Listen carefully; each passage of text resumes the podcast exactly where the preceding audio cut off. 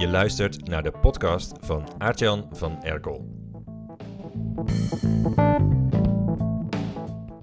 We hebben vandaag een hele leuke aflevering van de Aartjan van Erkel podcast, omdat ik een speciale gast heb. Normaal, uh, normaal ben je gewend dat ik tegen je aanpraat en iets, iets leuks vertel, maar ik heb een inbeller vandaag vanuit Bali, Indonesië die in een, uh, een, een, kast van een villa met een zwembad daar zit. Uh, uh, voor een, volgens mij voor een workation, toch, Ninke? Ja, nou, en quality time met mijn zoon, maar we noemen het een workation. Het is Ninke van der Lek, een van de succesvolste business coaches van Nederland. Zij heeft zich kort geleden geprofileerd als ehm, de business coach die je helpt aan een high-end business model. en ik interview haar omdat ze zojuist haar boek heeft gelanceerd Five Star Business, verdien wat je waard bent. Ehm, ze is deelnemer aan Business Book Bestseller. We hebben het vaak over haar boek gehad. En ik vind het leuk om uh, door te vragen over hoe dat is gegaan. Uh, waar ze mee bezig is nu ze in Bali zit en haar boek net uit is. En of dat allemaal wel kan. En um, nou, ook wat, wat inhoudelijke dingen. Ze heeft een paar hele leuke dingen voor elkaar gekregen. Zoals dat ze uh, haar boek binnen zeven weken af had. ze heeft de keuze gemaakt om het boek via eigen website te verkopen. Wat de meeste auteurs niet doen of niet eens overwegen of helemaal niet snappen. Daar wil ik ook wat over weten. En um, ook inhoudelijk gaan we natuurlijk over het boek hebben. Waarom moest dit boek er komen over een, over een five-star business? Wat was, uh, waarom moest je nu bevallen van dit boek? Ja, er zijn heel veel mensen geweest de afgelopen jaren die verwachten dat ik al veel eerder een boek zou uitbrengen en zou schrijven. Ik ook, ja. Uh, ja, jij was daar één van. Uh, misschien heb je daardoor wel een zaadje geplant, maar ik voelde nooit de behoefte of de urgentie om het te doen. En je zei net zo mooi uh, ja, dat ik nu een nieuwe positionering heb. Ik noem het zelf een doorontwikkeling van mijn business. Uh, ik richt me nu niet op high-end, maar high value. Dat is voor mij trouwens een groot verschil. High-end gaat echt over het, het hoogste en high value, naar mijn idee, over het meest waardevolle aanbieden. En mooi. kiezen voor het meest waardevolle in je business mm -hmm. en ook in je leven. Dat is een van de redenen dat ik nu hier op Bali zit. Kiezen voor wat jou het meest, hè, wat het meest waard is voor jou. Um, dus toen ik die doorontwikkeling had gemaakt, toen viel voor mij alles zo op zijn plek. Uh, daarvoor uh, werd ik ook gezien als zeer succesvol.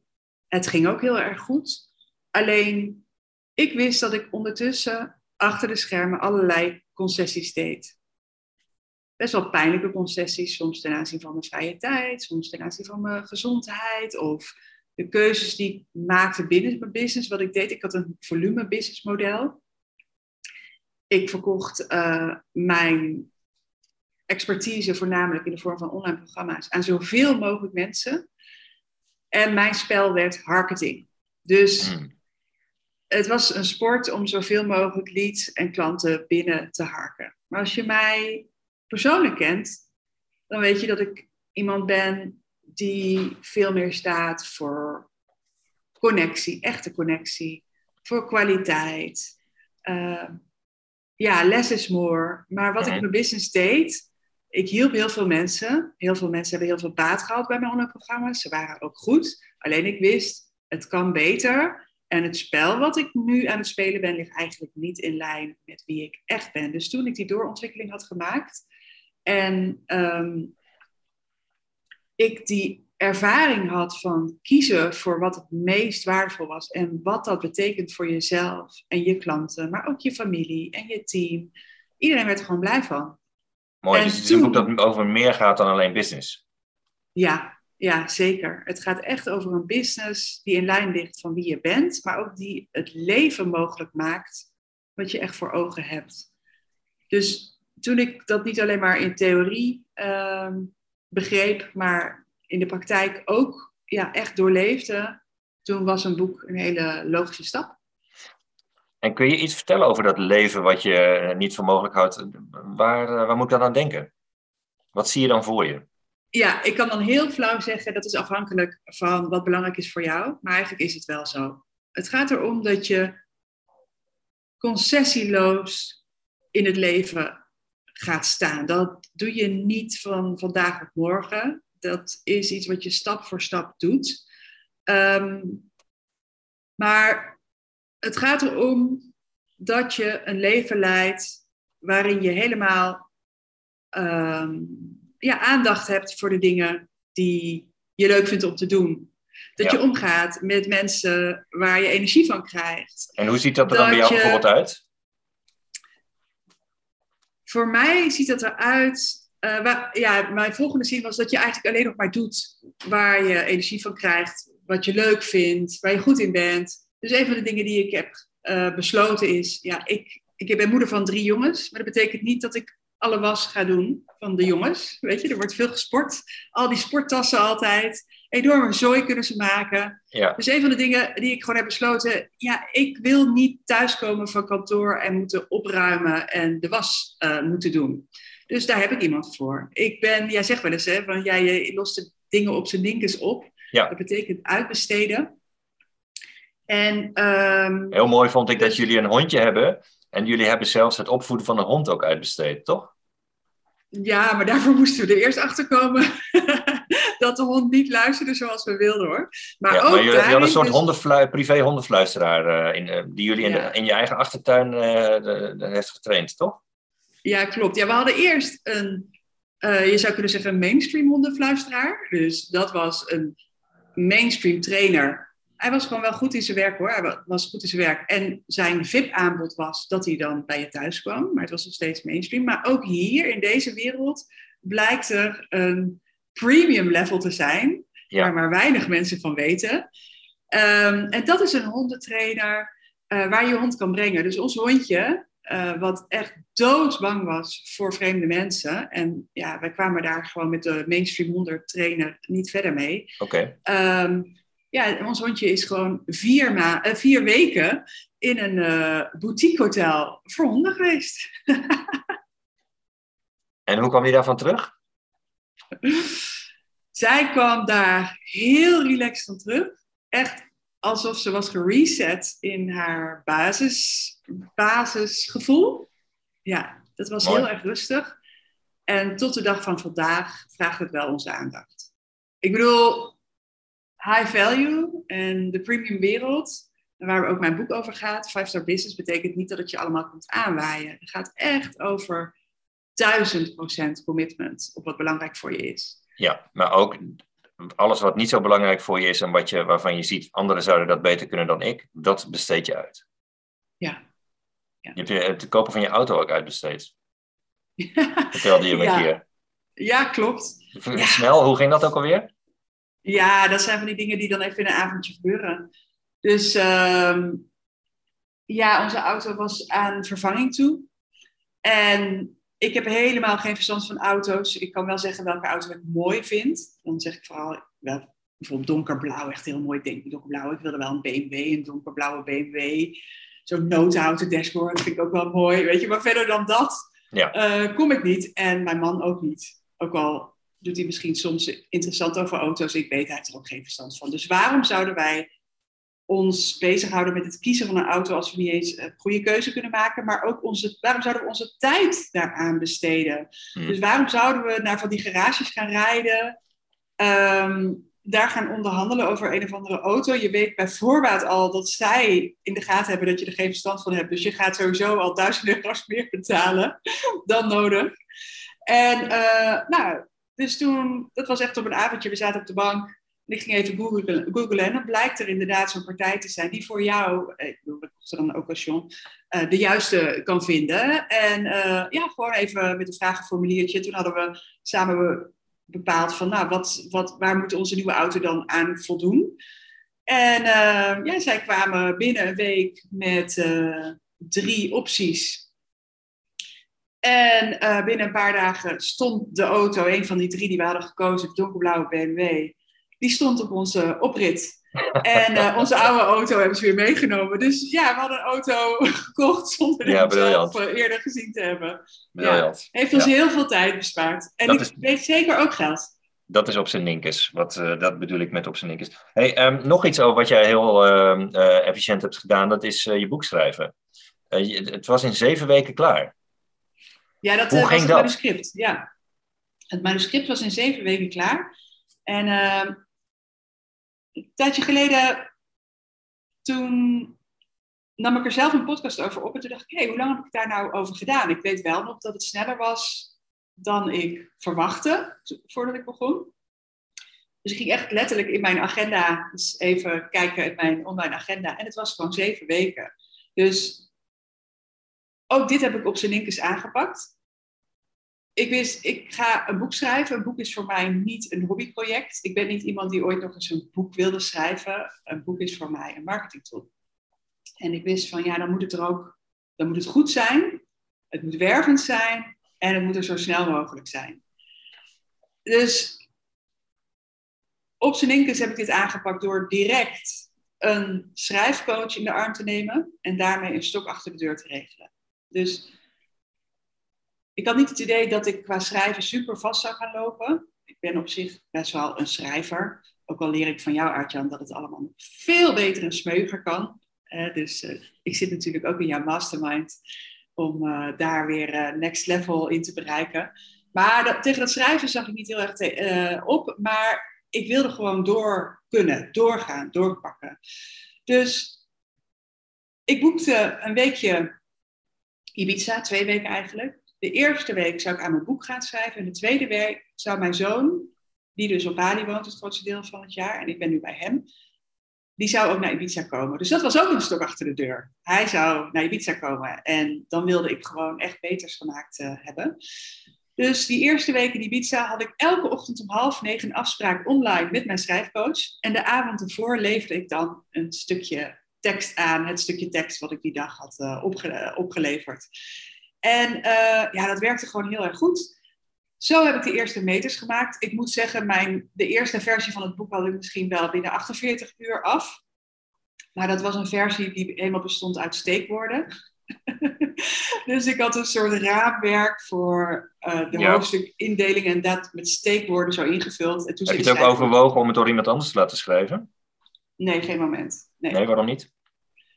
Nee, uh, ik, ik wilde gewoon dat mijn ziel hierin zit. Precies, ja. Ja, ja. Nee, dus hoeveel ik ook uitbesteed, dat zou ik dan nooit uitbesteden. Ik zeg hiermee niet van dat moet je nooit doen. Want ik denk dat voor mensen die echt niet kunnen schrijven, dat misschien best wel een slimme optie is. Maar um, nee, voor mij was het. Uh, nee, ik heb er nooit. Uh, nooit uh, ik heb dat nooit overwogen. -hmm. Maar goed, een van de eerste tips van mijn schrijfcoach was: je moet massa gaan maken. Want ik ben dus blijkbaar iemand die zelf in steekwoorden denkt. Maar aan een boek in steekwoorden heeft natuurlijk niemand wat. -hmm. um, ik ben met haar een soort mindmap gaan maken die inhoudelijk wel klopte, maar waar ik nog niet heel erg warm van werd. En ik ging echt pas aan toen ik me bedacht van, oh ja, net als in alle andere vormen van marketing is het nu ook belangrijk om de bezwaren die jouw publiek heeft, de bezwaren die jouw lezer heeft, om te geloven wat jij gelooft, om te geloven uh, wat jij allemaal in dat boek zet. Um, en om te geloven dat dat ook voor hem of haar mogelijk is, die bezwaren moet ik gewoon één voor één gaan wegtikken. Ja. Dus toen heb ik dat framework wat ik had bedacht, wat eerst puur inhoudelijk was, heb ik vertaald in een framework wat gebaseerd was op de grootste belemmerende overtuigingen van mijn doelgroep. Ja, en toen uh, ging ik aan. En Mooi. eigenlijk, ja, toen in Ibiza, die eerste dagen, heb ik gewoon echt wel meters gemaakt. Voor het eerst echt stories geschreven. Het is een vrij persoonlijk boek geworden. Um, en later, die andere zes weken, want ja, toen mijn zoon kwam wilde ik niet meer gaan schrijven, die andere zes, uh, vijf weken, ik kan me er eigenlijk niet meer zoveel van herinneren. Het uh, zijn wat weekenden geweest en wat uurtjes tussendoor. Af en toe is de wekker vroeg gezet, maar ineens was het manuscripten. En ik denk dat mooi. dat wel ook een gevolg is van ja, echt schrijven uh, wat je op je hart hebt. Um, je niet tegen laten houden. Wat mij heel erg hielp, was de realisatie van dit boek is een momentopname.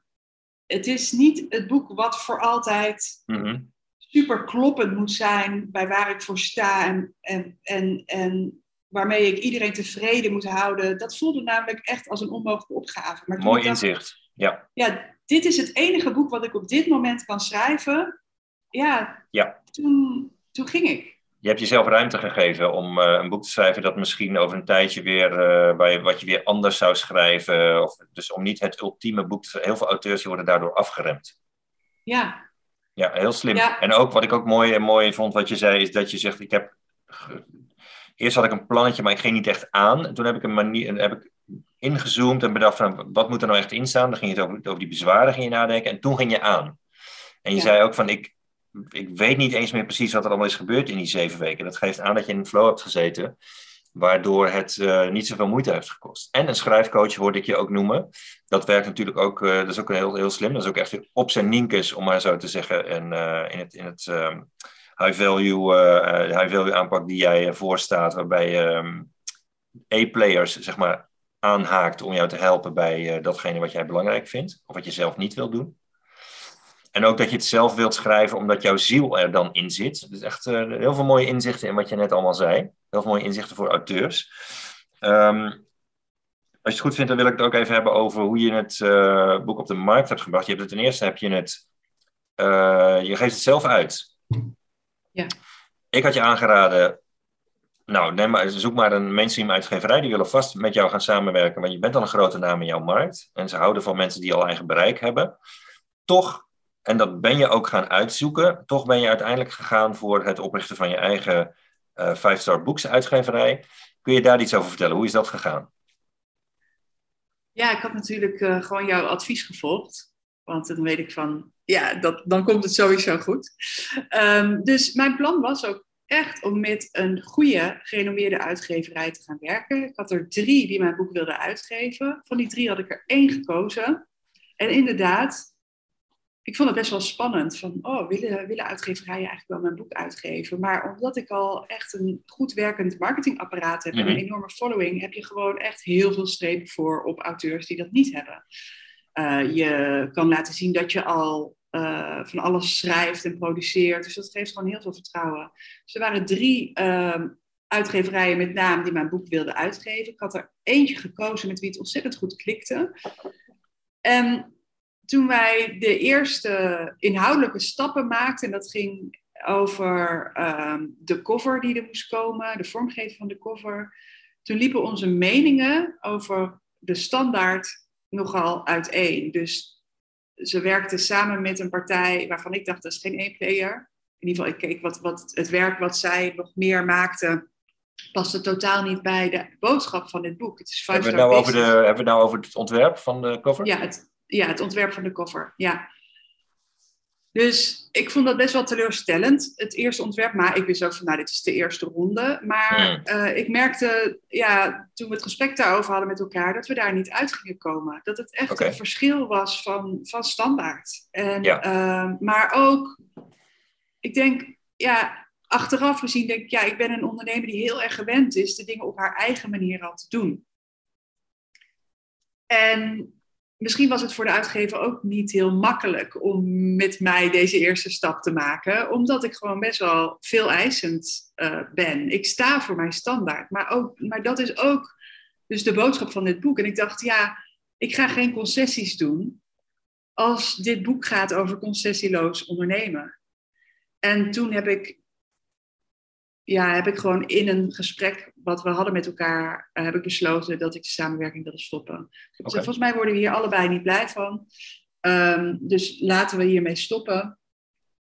Toen ben ik nog op zoek gegaan naar een andere uitgeverij. Mm, maar dat voelde ook niet helemaal goed. En het werd me ook steeds duidelijker van, goh, eigenlijk wat een uitgeverij doet, kan ik zelf ook. Er is natuurlijk heel veel uh, ervaring zit er bij zo'n uh, uitgeverij, maar die schrijfcoach bleek die ervaring ook te hebben. Die bleek al 30 jaar ervaring te hebben in de uitgeverijwereld. En ik ging met haar het gesprek erover aan en ik kwam erachter dat het op, op zoek gaat naar een goede drukker, uh, goede vormgevers, al dat soort dingen, dat, ja, dat dat ook mogelijk is buiten een bestaande uitgeverij om. Ja. Ja, en ik wilde gewoon door. Ik wilde niet dat dit uh, de deadline van mijn boek in gevaar okay. zou brengen of de lanceerdatum. Ja. Ja. En ja, toen was ook echt uh, in een avondje het idee geboren van Five Star Books. En uh, ja, inmiddels is dat een feit en doe ik alles in eigen beheer. Mooi, mooi.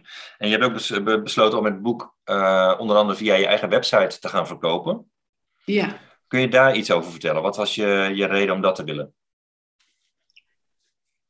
Nou, het eerste wat in me opkomt uit Jan is, ja, omdat jij mij dat hebt aangeraden.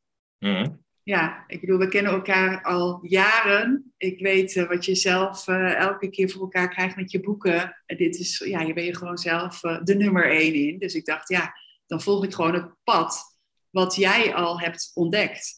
Dus um, mijn boek is ook wel te koop op Managementboek. En over een tijdje ook op Bol. Maar um, ja, we hebben gewoon. Oh, dus je hebt het in het begin, heb je, verkoopt, je verkoopt het nu alleen nog via je eigen website en via Managementboek. Nog niet Ja. via Bol. Nee. Oh, dat is willen- heel listig. Dat is heel listig. Ja, die is goed. Ja, Goed want- idee. waarom is dit nou listig? Eh, we willen natuurlijk die nummer één positie pakken op Managementboek. Ja. Daarmee kan je gewoon je leven lang zeggen dat je boek een bestseller is. Dat En dat jij een nummer 1 bestseller auteur bent. En dat ik een nummer één bestseller auteur ben. Ja, dus dat, is, dat, is, dat, is, dat wil ik gewoon aangetikt hebben. En Want als je op Dat is 2 het- komt, dan ben je ook een bestseller auteur. Maar dan ben je geen, ben je geen nummer 1 bestseller. nummer één, oh, kijk, Dat is altijd weer next level. Ja. Oh, wauw, ja. Dus dat, het hoogste level wil ik wel aangetikt hebben. En volgens mij moet dat ook kunnen. Zeker omdat echt, jij appte mij. Het was een uur na de lancering van mijn boek. De, de verkoop begon om 10 uur en om 11 uur appte jij mij. En toen bleek ik al op nummer 4 te staan. En 24 uur na de lancering op nummer 2. Ja. Dus ik dacht echt, wauw. En ehm, waarom op mijn eigen website? Ehm, ja, ik hou van stevige marketing. En op je eigen website heb je de mogelijkheid om de ordewaarde, eh, dus het bedrag wat je klanten uitgeven aan je boek, te verhogen met extra upsells of kassakoopjes. Dus heel plat gezegd, iemand wil je boek, is in de buying mood en gooit nog wat dingen in zijn of haar eh, winkelwagentje. Net Ja. zoals ook bij de Albert Heijn gebeurt.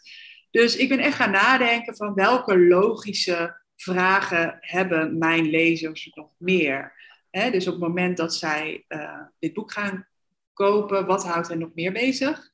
En ehm, ja, ik heb, dat heb ik in, een, in kleinere producten gegoten. En die bieden we dus aan in die afrekenomgeving, zo'n checkout pagina. Ja. Maar ook als mensen al hebben afgerekend, dan is er nog een opportunity om bijvoorbeeld een eerste training al te kopen, die je helpt om naar next level te groeien. Ja. Dus als iemand op bestellen klikt op jouw boekwebsite, 5starbusiness.nl. Ik heb er even bij. Ik heb hem. Dan is hij nog niet klaar. Nee, want je kunt in het, eh, bij het afrekenen, moet je zoals altijd, moet je gewoon je naam en adres, want zo kan het, kan het boek naar jou opgestuurd worden, invullen en je betaalmethode en zo. Maar dan komt speciale aanbieding. Ja, ik bestel ook Moneymakers voor 29,95. Terwijl het boek eh, ook 29,95 kost. Kan ik er een eh, Moneymakers bij bestellen. Daar staat bij negen kleine aanpassingen voor je website en je nieuwsbrief. Vandaag nog meer klanten door alleen wat woorden te veranderen. Dus dat is een, een soort checklist of een document of een iets wat, wat je erbij koopt voor, voor nog een keer hetzelfde bedrag.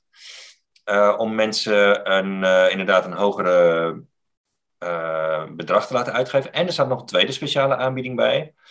Ja, ik bestel ook het 5-star sales script. Dat kost 49,95. Verkoop in één gesprek een dienst van 10.000 euro of meer. De geheime formule waarmee Ninka haar premium aanbod verkoopt.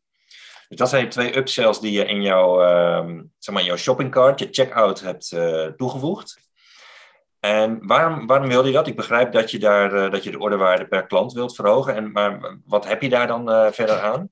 Ja, dus eh, het zijn sowieso kassakoopjes die echt, ja, het gaf me echt buikpijn om ze toe te voegen. Want ze zijn zo ontzettend waardevol. Weet je, het is niet dat je denkt van, nou, ik gooi daar maar wat neer als die klanten maar meer geld uit gaan geven. Want dat Het is is echt, totaal echt niet. waardevolle content. Ja, het is echt waardevolle content. Ik Ja. heb nog meer kassakoopjes. We zijn ze aan het testen, dus ze roleren. Dus we kijken ondertussen van welke kassakoopjes werken nou het beste. Oh ja. Ehm, wat is het doel hiervan? Eh, het boek eh promote ik binnen mijn bestaande netwerk. Dus mijn e-maillijst en eh, bestaande social media following. Maar we gebruiken ook ads. Facebook advertenties, Instagram advertenties om een groot publiek te bereiken. Ja. En wat zo mooi is, als klanten meer geld gaan uitgeven, kan dat budget rechtstreeks naar Facebook adverteren. Waardoor je een soort Ja. break-even funnel creëert. Ehm, en dat is, dat is het doel, in plaats van dat je alles moet gaan voorfinancieren om je doelgroep Ja. te bereiken. Slim. Dus Plus- je, je verdient extra geld en dat extra geld, maar je geeft ook extra geld uit voor je boeklancering door te adverteren. En dat kan je dan een beetje tegen elkaar wegstrepen. Dus dat, je hoopt Ja. in ieder geval dat je dat tegen elkaar weg kan strepen. Want dan kun je dus eigenlijk eh, gratis klanten binnenhalen. En een klant is iemand die al betaald heeft aan jou. En dat zijn altijd de, de meest waardevolle eh, mensen om binnen te halen. Ja, dus dat wilde ik nog inderdaad eh, toevoegen. Ehm, mijn klanten bevinden zich in de bovenkant van de markt. In ieder geval de lezers van mijn boek zitten ook eh, veelal nu nog in het middensegment, maar die hebben de ambitie wel om door te groeien en zelf ook eh, ja, eh, het high-value ondernemen te gaan ontdekken. Ja, Ehm, mijn belofte is, uh, word de vanzelfsprekende nummer 1 voor de bovenkant van jouw markt. Dus de 10, 20 procent topklanten in jouw markt is bereid om veel grotere investeringen te doen, is ook in staat om dat te doen. Het zijn niet mensen die altijd zwemmen in het geld, maar wel mensen die ehm, ja, als iets belangrijk vinden, het mogelijk maken. Dat Ja. zijn mensen die een grotere transformatie willen maken dan mensen in de middenmoot. Over wel, wat voor mensen hebben we het dan? Dus wat zijn, eh, wat zijn soorten klanten die jij bedient? Wat doen die mensen? Ja, dat kunnen eh, de klanten aan de top van de markt kunnen eh, ondernemers zijn die meer geld willen verdienen. Kunnen managers zijn die minder ziekteverzuim willen. Ehm, het kunnen ouders zijn die van de problemen af willen in hun gezin. Het kunnen particulieren zijn die. Maar het gaat toch over een five-star business? Ja, klopt. Het, dus dit zijn, als we het hebben over de 10, 10 20 procent ehm, topklanten in iedere markt. Mhm. Volgens mij praten we nu over twee verschillende dingen. Ik geloof het Dus, ook. ja, dus in iedere markt is er 10 tot 20 procent die bereid is de hoogste investeringen te doen. En veel liever een grote transformatie in één keer wil maken, of het Ja. veel liever sneller wil of makkelijker dan wat het middensegment. Ja, denk je dat 10, 20 procent, dat het zo'n grote chunk is? ja, Oké, Ja. interessant. En ik ja. zal je zeggen, wat ik merk, is dat er ook een verschuiving plaatsvindt. Ik bedoel, alles wordt natuurlijk ook duurder. Ook bij de appie wordt alles duurder. Maar mensen zijn steeds meer bereid om grote investeringen te doen. En Klopt. steeds meer voor te kopen. Ja. dus het is ook een, een trend die, die gaande is. Ja. Ehm, ondernemers die bij mij willen leren Precies, hoe ze daar, daar een ik five-star naar. Ja, ja. ja, hoe ze een five-star business voor zichzelf eh, kunnen creëren. Dat, is, dat zijn ondernemers die vaak al wel ehm, langer eh, in business zijn. Dus zijn Mhm. ondernemers die wel de klappen van de zweep kennen Mhm. als het gaat om het ondernemerschap. Die zich te goedkoop voelen. Mensen die Ja, weten mooi. van ja, ik ben hartstikke goed in mijn vak. Eh, maar elke keer zich ja, toch afgeremd voelen als het gaat om echt gaan staan voor goede prijzen. Of die de concurrenten er vandoor zien gaan met de beste klanten. Ja, ja, of ja. een concurrenten hebben die hoge prijzen vragen, terwijl ze denken, ja, ik ben beter. Dat is gewoon super frustrerend. En wat voor ondernemers zijn dat? Dus wat, eh, wat, wat zijn het dienstverleners? Hebben ze eh, constructiebedrijven, winkels? Wat doen ze? Ja, het zijn allemaal dienstverlenende ondernemers. In ieder geval, dat zijn mijn klanten. Dienstverlenende ondernemers. Maar dat kan wel gaan van bouwbedrijf. En dit is bijvoorbeeld een bouwbedrijf wat eerst... ehm, ja, zij, ze hebben een beetje dat, eh, die Scandinavische, minimalistische Ja. eh, designs eh, creëren Mhm. zij. Dus zij bouwen en, en doen de inrichting. In het begin uh, deden ze bij wijze van spreken een kleine hal. Dat, dat, dat gingen ze al aanpakken. En nu gaan ze echt voor grote verbouwingen. Dus echt totaalverbouwingen. Dus Ja. Ja, dat zijn veel vermogendere mensen die ja zeggen tegen zo'n grote verbouwing. Maar het begint ermee dat jij zelf strategische keuzes gaat maken, waardoor je niet meer de kruimels hebt in je markt, maar echt die topklanten, die, die Ja. big spenders weet te bereiken. Mooi. Maar ik heb ook bijvoorbeeld een leiderschapscoach. Zij gaf eerst, eh, verkocht ze online trainingen.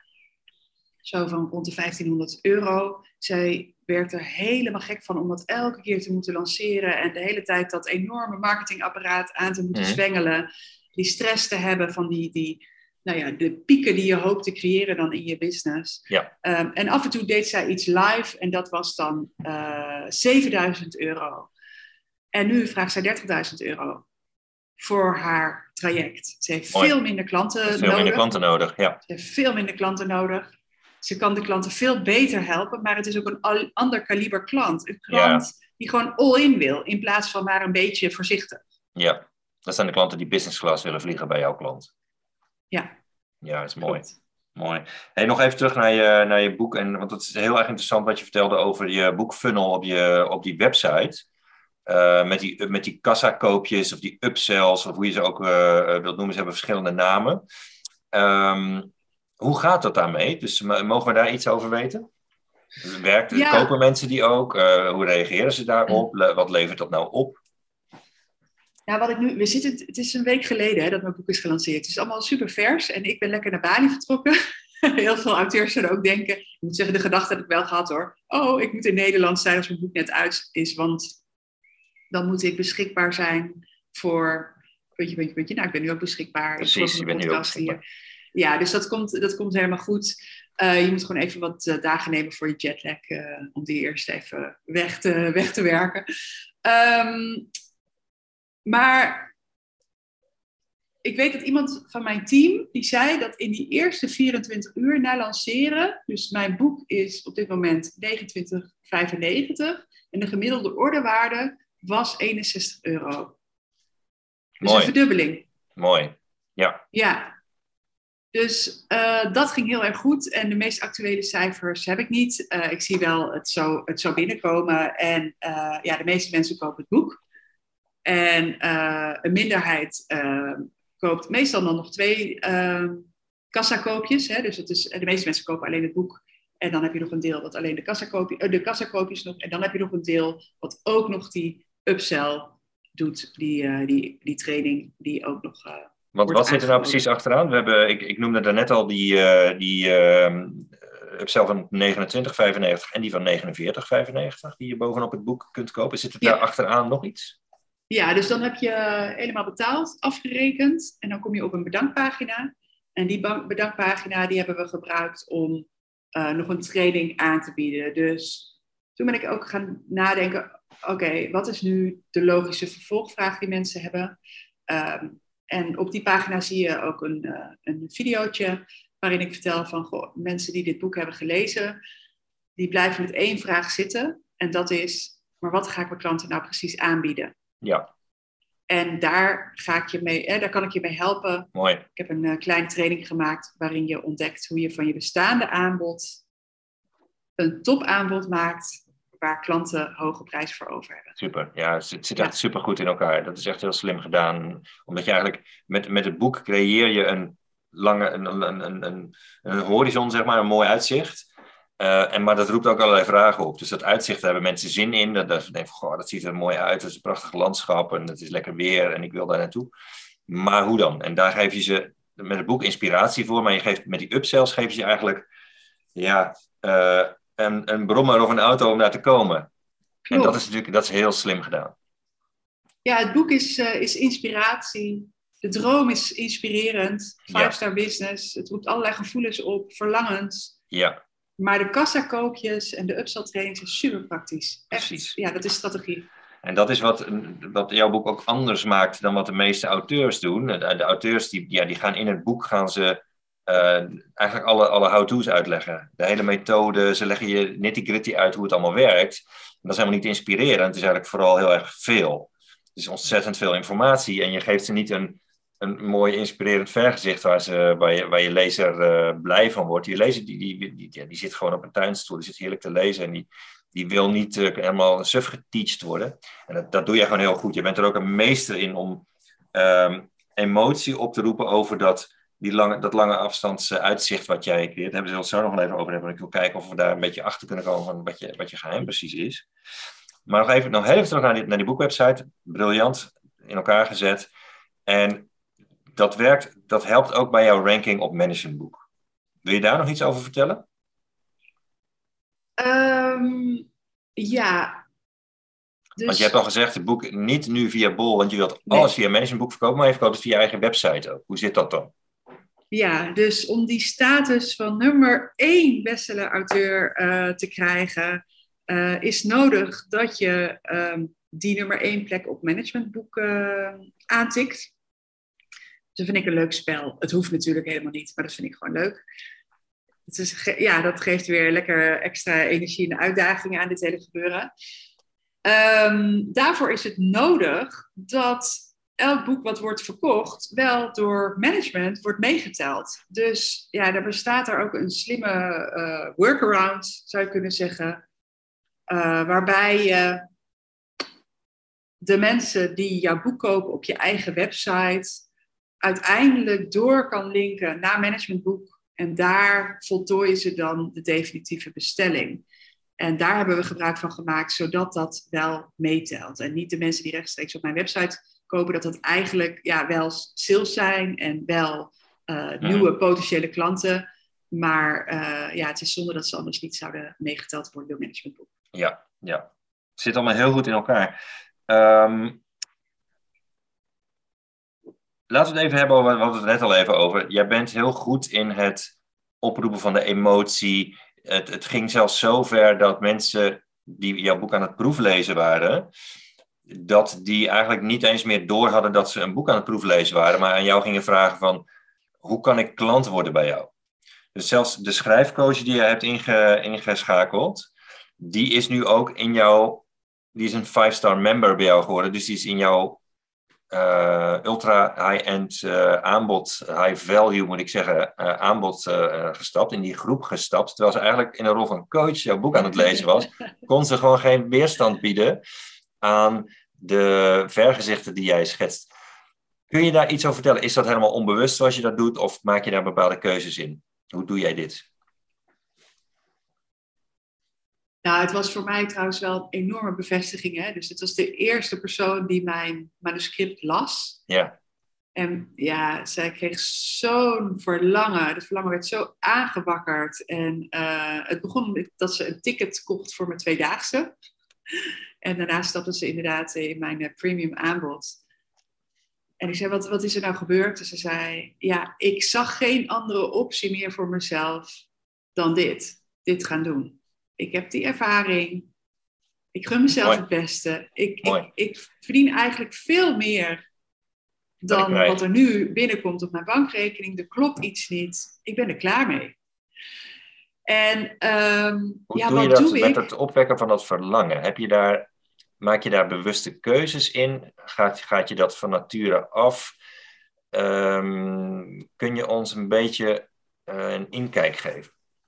Ik denk, nou, wat ik in het begin al zei, dat je heel helder hebt, wat zijn nou eigenlijk de grootste bezwaren van je doelgroep? En wat zijn de alternatieven Hmm. die ze geneigd zijn te kiezen, of die ze in werkelijkheid ook kiezen? Ja, Dus het alternatief wat ik ondernemers zie kiezen is, als ze meer willen verdienen, is harder werken. ja, Dat is wat ze doen. Dus heel goed daar eens over nadenken en dat gebruiken als basis voor je boek zorgt ervoor dat je boek over hen gaat. Zij zullen zich herkennen. Ja. Want het lijkt alsof jij, ehm, alsof jij hen echt begrijpt. Jij kent hun wereld. Ja, Jij kent hun overwegingen. En daar heb je het over. Dus dat is één. Twee is, ik ben vrij schaamteloos in dit boek en sowieso wel over mijn eigen obstakels. En wat, mij, wat bij mij moeilijk gaat in mijn leven. Dus ik ben niet die business coach die zegt, hey, five star. En ehm, ja, ik eh, zit hier met een cocktail op het strand en eh, het gaat altijd goed. Nee, ik heb echt mijn grote uitdagingen in mijn leven gehad en nog steeds wel. En die deel ik in dit boek. En dat zorgt ervoor dat mensen gaan geloven dat Five Star bereikbaar is, ook al heb je je uitdagingen in je ondernemerschap of je leven. Ja. Dus je hoeft niet, jij hebt ook iets geschreven van, eh, Ninke is niet zo'n eh, zo'n business coach van na het jaar 2000 met zo'n persikhuisje. met een persikhuidje, ja. Nee, want dat, is, dat, dat geloven mensen niet. Dat is plastic. En dit boek gaat over een echt mens. Ehm, veel mensen die mij al langer kennen, die denken van... oh, het is daar altijd voor de wind gegaan. En in dit boek lees je dat dat helemaal niet waar is. Ja. Dat zorgt er wel voor, denk ik, dat mensen kunnen ontspannen. En denken, oh, het is ook voor mij mogelijk. En het hoeft niet alleen maar goed te gaan. Oké, dus je, begint, je begint waar, want ik, ik trek het even uit elkaar. Hè? Dus zometeen praat ze gerust verder. Trek het even uit elkaar, voor, want ik kijk als copywriter naar. Dus je begint laag en je, voordat je hoog gaat. Dus je begint bij het punt waar, je, waar jouw klanten ook zitten, qua emotie. Hè? En je vertelt hoe dat bij jou was. Ja, En op die manier kun je ze stappen in die trein. Want als, je, als die trein al te hard gaat, dan, dan gaat dat niet. Dus je, als je al, te hard moet ik niet zeggen, maar als die trein al op de, boven die berg staat, dan kunnen ze er niet meer bij. Maar als ze in het dal kunnen instappen bij jou, dus dat doe je, dat doe je heel bewust. Je hebt het gehad over die bezwaren die je ehm, eh, goed identificeert die ze, die ze kunnen hebben. Wat, wat hebben mensen dan bijvoorbeeld voor bezwaren tegen op deze manier werken? Kun je daar een voorbeeld van geven? Eh, dat er in jouw markt geen eh, klanten zijn die zoveel geld willen betalen voor Oh, jouw ja. aanbod. En eh, dat is niet zo?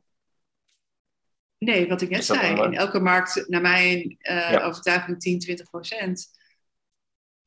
Ja. Of ehm, dat je veel meer ervaring zou moeten hebben. Of dat als je hoge prijzen vraagt, dat je dan harder zou moeten werken en veel meer moet geven aan klanten. Ja, Ja. Dat, zijn allemaal van dat, dat zijn allemaal overtuigende bezwaren mooi. die mijn doelgroep heeft. Ja. Ja. Nog meer dingen die jij doet om, eh, om het verlangen aan te wakkeren bij jouw eh, lezers? Want jouw Eh. proeflezers waren al als was in jouw handen. Eh, je Ja. krijgt nu ook hele enthousiaste rea- reacties op, eh, op de socials, vertelde je. ja, het eerste hoofdstuk van mijn boek heet Maskers af. En daar zet ik mijn eigen masker af. Daarin ben ik heel erg kwetsbaar. Daarin deel ik iets wat ik tot dan toe alleen maar deelde met mijn inner circle. Dus Ja. mijn familie, mijn man en mijn ja, mastermind vrienden, waaronder jij. Verder wist niemand van wat mij, wat mij zo had geraakt van een paar jaar terug in mijn ondernemerschap, waar ik me zo voor schaamde, waar ik me zo alleen in heb gevoeld en zo Ja. van dacht, wow, ik val door de mand als ze hier achter komen. Dat is de entree in mijn boek, hoofdstuk 1. En ja, de standaard reactie van op mijn boek is: ik kon niet meer wegleggen. Eh, ik wilde het eigenlijk in mijn koffer stoppen om mee te nemen op vakantie. Ik was er toch eh, even in begonnen en heb het vervolgens in één ruk uitgelezen. Dus eh, dat, is, dat is wat er gebeurt. Ja, Ehm, en ik denk, ja, weet je, als je een expert bent in je markt, is het heel makkelijk om je te verstoppen achter je kennis, te verschuilen achter je kennis. Mhm. En wat ik heb gedaan is dat ik mezelf gewoon echt mijn persoonlijke gezicht heb laten zien. Waardoor ja, mensen zich kunnen identificeren. Ehm, het is veilig voor mensen. Ja. Het is veilig. ja mooi. Five Star lijkt zo ver weg, zo groot. Het is alleen maar weggelegd voor mensen eh, met Gucci-tassen eh, die altijd op een, eh, in een Five Star resort uithangen. Maar Five Star is dat niet. Ik ben laatst geïnterviewd voor een podcast. En die podcast heet eh, Gucci lovers en eh, Hema onderbroeken. En dat is precies wat, waar Five Star ook voor staat voor mij. Weet je wel? Het is de combinatie van beide. Ja, ja. Ja, mooi. Eh, even nog wat ik me afvraag. Hè? Dus je hebt, tot nu toe heb je een, een, meer een eh, volumeverdienmodel gehad, waarbij je verschillende online trainingen had. Ehm, en de, vandaar dat Upsells deed ook naar, eh, naar hoger geprijsde programma's. Nu zit je echt alleen maar in dat ultra high-end aanbod. Mag, mag, ik, mag ik weten wat, of ik, ik weet het, maar mogen de luisteraars weten wat jouw aanbod kost als mensen in jouw, jouw programma stappen? Wat betalen ze daar dan voor? Mijn jaarprogramma is eh 50.000 euro. En dan heb ik jaarlijks eh 20 plekken voor vrij. Ja. En dan heb ik daarnaast nog een ehm, zeer select eh, aantal plekken voor private clients. Oké. Ja. En die investering is nu 100.000 euro. Oké, dus dat, dat- je zit echt in, in die ultra high-end eh, laag van je aanbod. Ehm, hoe, je de, hoe krijg je de aanvoer naar die, die topklant? Want je zei nou, dat, dat is 10, 20 procent van, van elke markt is dat. Ehm, hoe zorg je ervoor? Want je hebt natuurlijk de afgelopen jaren heb je heel veel opgebouwd met een verdienmodel wat je niet meer wilde doen, met wat je nu marketing noemt. Eh, maar dat heeft wel een gigantische mailinglijst opgeleverd, heel veel bekendheid en eh, heel veel mensen die ehm, geïnteresseerd zijn. Op een gegeven moment heb je de, de top 10, 20 procent daarvan, die heb je in je groep gehad. Hoe blijf je dat dan, blijf je die groep voeden met nieuwe mensen? Eh, hoe zie je dat? Ja, wat helpt als je al een audience hebt en je maakt deze stap, doorontwikkeling, er zijn altijd mensen in je bestaande doelgroep die klaar zijn voor dit level. Of die nooit eerder kochten, Ja. omdat ze zich niet aangesproken voelen door je aanbod. Bijvoorbeeld, ja, mijn premium klanten, daar zitten mensen tussen die zeggen, hè, hè, eindelijk bied je nu iets aan ehm, wat me echt aanspreekt. Want ik vond jou altijd interessant, ik vond je visie wel interessant, maar ik wilde gewoon geen online programma. Of ik wilde niet Ja. met ehm, dat type ja, ondernemer in een groep zitten. Ik, Ja. ik- en nu, nu voel ik me thuis, weet je wel? Dus in je bestaande eh, netwerk zitten je eerste klanten. Ik merk het bij Ja. al mijn klanten. Dit is waar we altijd mee starten als zij eh, in mijn jaartraject eh, beginnen. Al hun eerste klanten komen uit hun bestaande netwerk. Dus Ja. daar zit gewoon echt lagerhand fruit. Oké. Ehm, dat zijn ook mensen waar, waar je al een warme connectie mee hebt opgebouwd, waar al vertrouwen zit. En vervolgens is het heel belangrijk om nog steeds inspirerende content te blijven delen. Ehm, waar het, naar mijn idee, bij het lage segment en middensegment, die mensen pak je het meest door het te hebben over emotionele problemen die ze hebben. Bijvoorbeeld, wil je, wil je meer verdienen met je bedrijf, maar durf je niet zichtbaar te zijn op social media? Snap je? Dus een beetje Ja. iets zichtbaar durven zijn. En, en dat hoge segment wordt meer wakker van ambitieproblemen. En het pro- ambitieprobleem is van, jeetje, zie je jezelf ehm, steeds harder werken om dat inkomensplafond te doorbreken. Maar, en weet je gewoon niet wat je nog meer kan doen. En lukt het je, lukt het je nog steeds niet zoiets, hè? Even een slechte zin, kan echt veel beter, hè, Artjan? Maar je snapt, je snapt wat ik bedoel. Mhm. Daar, daar eh, pak je die, die, eh, die premium doelgroep mee. Dat is, dat is een andere, eh, andere insteek van je content. Betekent niet dat die premium klanten geen emotionele problemen hebben, want die kunnen nog steeds Ja. eh, het eng vinden om zichtbaar te zijn. Alleen het is niet waar ze in eerste instantie op aanhaken. Maar dan zouden ze dus wel een stap moeten maken van een advertentie naar een call met jou waarin je ze iets van 50 of 100k verkoopt, of van een boek naar iets van 50 of 100k. Is die stap eh, te maken voor mensen die nog niet, nog niet met jou gewerkt hebben door andere laaggeprijsde dingen bij jou te kopen?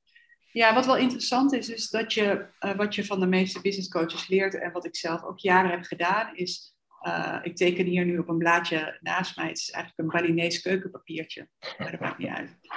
Zo'n piramide van low-end, mid-end, high-end. En wat Ja. de meeste mensen doen is, je begint onderaan met lage producten en dan ga je een beetje stretchen en dan ga je, bijvoorbeeld je begint met eh, producten van 97 euro en dan 497 of misschien 1997. Ja, En dan denk je, nou dan ga ik eens even een VIP-versie toevoegen. En dan wordt het eh 4.997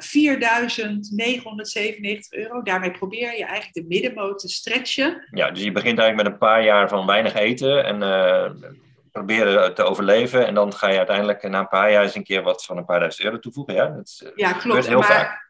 Het gebeurt heel veel. En dit is ook de manier om het super druk te krijgen. Ja. Om heel veel kosten te maken. Want je moet al, Ja, elk product en weinig moet over te worden. houden.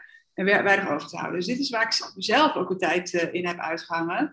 En nu, wat ik nu doe en wat ik mijn klanten leer, is om bovenaan te beginnen. Dus je begint met het verkopen van het meest waardevolle. Ja. Ik bedoel, als je iets verkoopt van 25.000 euro, vier keer vier klanten hebt van 25.000 euro, heb je 100.000 euro. En een- interessante is, is dat die eerste klanten dus ook vaak uit, uit je netwerk komen. Daar is weinig voor nodig. Ehm, maar wat interessant is, kijk, en die klanten inderdaad, die kun je krijgen via, via content. En daar zit vaak dan wel een persoonlijk gesprek eh, tussen, een verkoopgesprek. Ehm, maar stel je voor, je zit een tijd op Bali en je hebt geen zin om gesprekken te voeren. Hè, of, want hier ben je natuurlijk wel persoonlijk voor nodig, of je kan iemand die gesprekken laten doen. Maar dan is het wel interessant om op een gegeven moment je gedachtegoed weer te verkopen aan een breder publiek. Dus je begint bovenaan Oké, en dan kan je bijvoorbeeld ehm, je strategieën nog steeds in een online versie aanbieden. Maar je hebt je inmiddels wel gepositioneerd als die high-value speler Ja.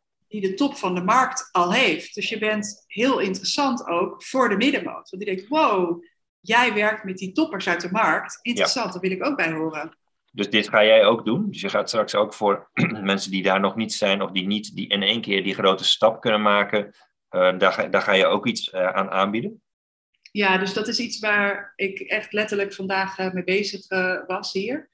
Um, dus ja, dat is nu in volle gang, die voorbereiding. Okay. Het was mooi geweest om dat al af te hebben uh, bij de lancering van het boek, maar nu ben ik er iets later mee. En dan moet ik denken aan online trainingen bijvoorbeeld? Of, ja, een online... Kun je daar al iets over zeggen? Business, ja, de Five Star Business Academy. Um, dus wat ik doe met mijn klanten in het uh, Five Star Membership, dus mijn premium aanbod. Um, dat zijn eigenlijk zeven strategieën. Ik noem dat de zeven waardeverhogers, zeven gebieden in je business waar je je waarde kunt verhogen, waardoor je die vanzelfsprekende nummer één wordt voor de bovenkant van je markt. Mhm. En die strategieën die zijn ook online beschikbaar. En uh, dat is ook wat mensen straks los kunnen kopen. Mooi. Mooi. Uh, Ninke, we gaan een eind aan breien. We zijn al uh, een, een, tijdje onderweg. Je hebt, uh, je hebt hele interessante dingen gedeeld. Ik vond het ook erg leuk om in jouw boek in hoofdstuk 7 heb ik zelf over copywriting dingen geleerd. Er, zat een, daar zit een hele interessante copywriting structuur die mij nog niet bekend voorkwam. Dus ik heb ook weer... Welke was het? het perspectiefomkering? Ja, de perspectiefomkering. Heel interessant om te lezen. Dus ik raad iedereen aan die geïnteresseerd is om in, in een verdienmodel, zoals Ninke zojuist heeft besproken, maar ook iedereen die geïnteresseerd is in copywriting om dit uh, boek te kopen. Het is echt een, uh, het is echt een page turner. Het is wel nog één ding. Uh, verdien wat je waard bent. Hè? Je moet denken aan Your Worth It van, van L'Oreal van vroeger. Is het een vrouwenboek?